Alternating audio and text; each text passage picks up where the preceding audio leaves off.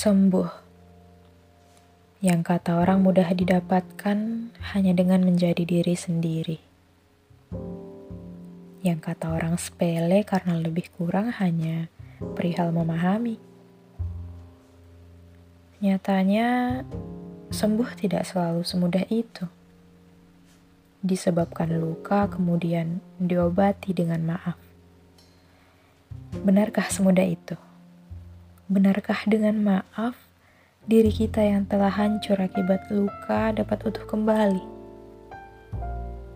Percaya atau tidak, orang-orang yang pernah nyakitin kamu, suatu hari nanti akan melupakan semua perbuatan yang pernah mereka lakuin ke kamu dan melanjutkan hidup seperti sedia kala.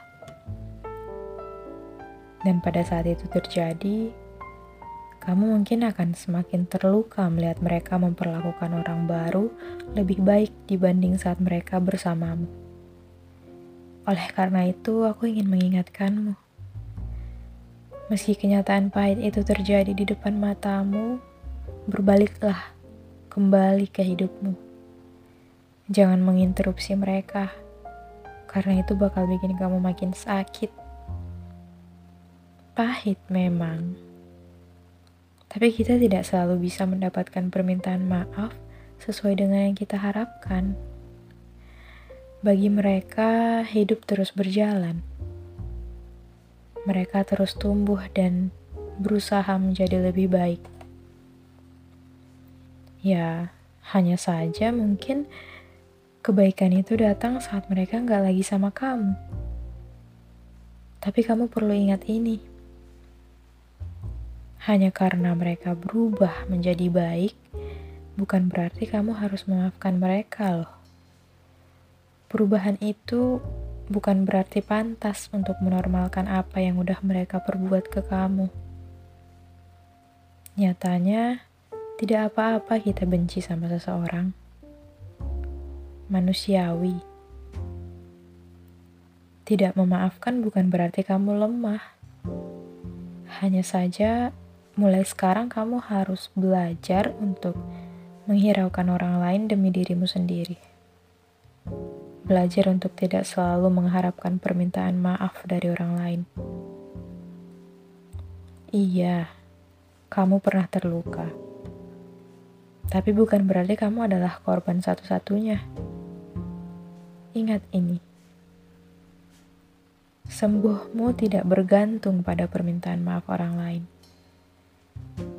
Jangan terus-terusan memposisikan dirimu sebagai seseorang yang berhak dimintai maaf. Seolah-olah kamu cuma bisa sembuh ketika orang lain minta maaf sama kamu. Memaafkan gak bikin kamu jadi orang baik secara langsung.